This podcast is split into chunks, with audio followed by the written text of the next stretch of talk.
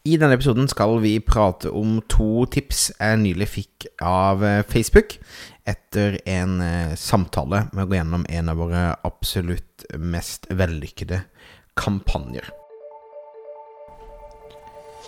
Stadig flere små bedrifter i Norge oppdager at med riktig markedsføring kan man utfordre de store, tradisjonelle bedriftene.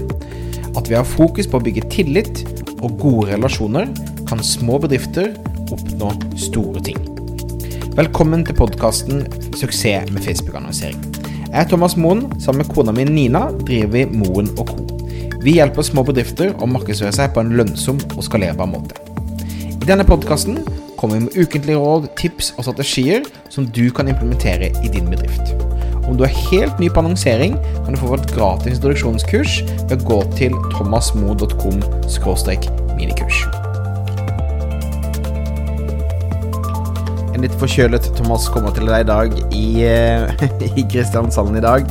Reiser til Oslo i morgen for å holde workshop på The Thief. Det gleder meg veldig mye til. Um, forrige uke så hadde jeg en prat med en Facebook marketing-ekspert hos Facebook. Og opp gjennom årene så har det vært ganske ymse kvalitet på rådene og tipsene jeg har fått av eh, disse ekspertene. Ofte eksterne byråer som Facebook bare leier inn til at folk skal bruke mer penger osv.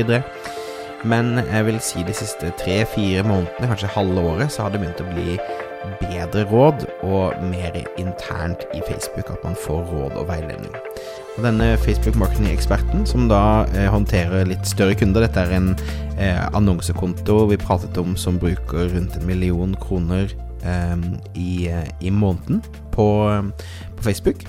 Um, han kom med noen gode råd, noen generelle råd som jeg tenkte at det var verdt å, å dele med dere. Noen av de har du kanskje hørt om før, noe av det kanskje er eh, veldig åpenbart for deg, men jeg tenker at det kan være verdt å eh, vite, siden det ga en liten aha-opplevelse for meg.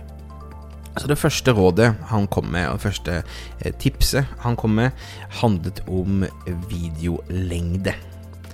Jeg er stor fan av å gi så mye verdi som mulig i videoer, og gjerne ha videoer på to, tre, fire minutter, så man kan liksom virkelig komme i dybden og, og, og peke på temaer. Han mente at i markedsføringssammenheng, altså i kampanjer som handler om at du skal generere salg eller få leads osv., så, videre, så ville han aldri ha brukt video som er lenger enn 30 sekunder. Så han sa at uh, alt annet er så å si bortkasta. Fordi at hvis du altså, Snittet på Facebook er det kanskje at du ser fem-seks sekunder, ikke sant?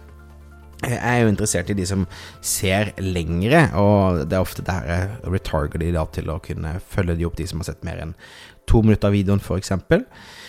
Eh, men det denne Facebook marketing-eksperten sa, var at jeg ville heller delt det opp i flere 30 sekunders videoer. For det som skjer, er hvis du da ser under de 30 sekundene um, på en 2,5 eller 3 minutters video, så vil da distribusjonen av den videoen gå vesentlig mye dårligere. Ikke sant? Så um, det at du har en lengre video, vil straffe seg, så du faktisk ikke får um, den distribusjonen som du fortjener, eh, fordi videoen er for lang.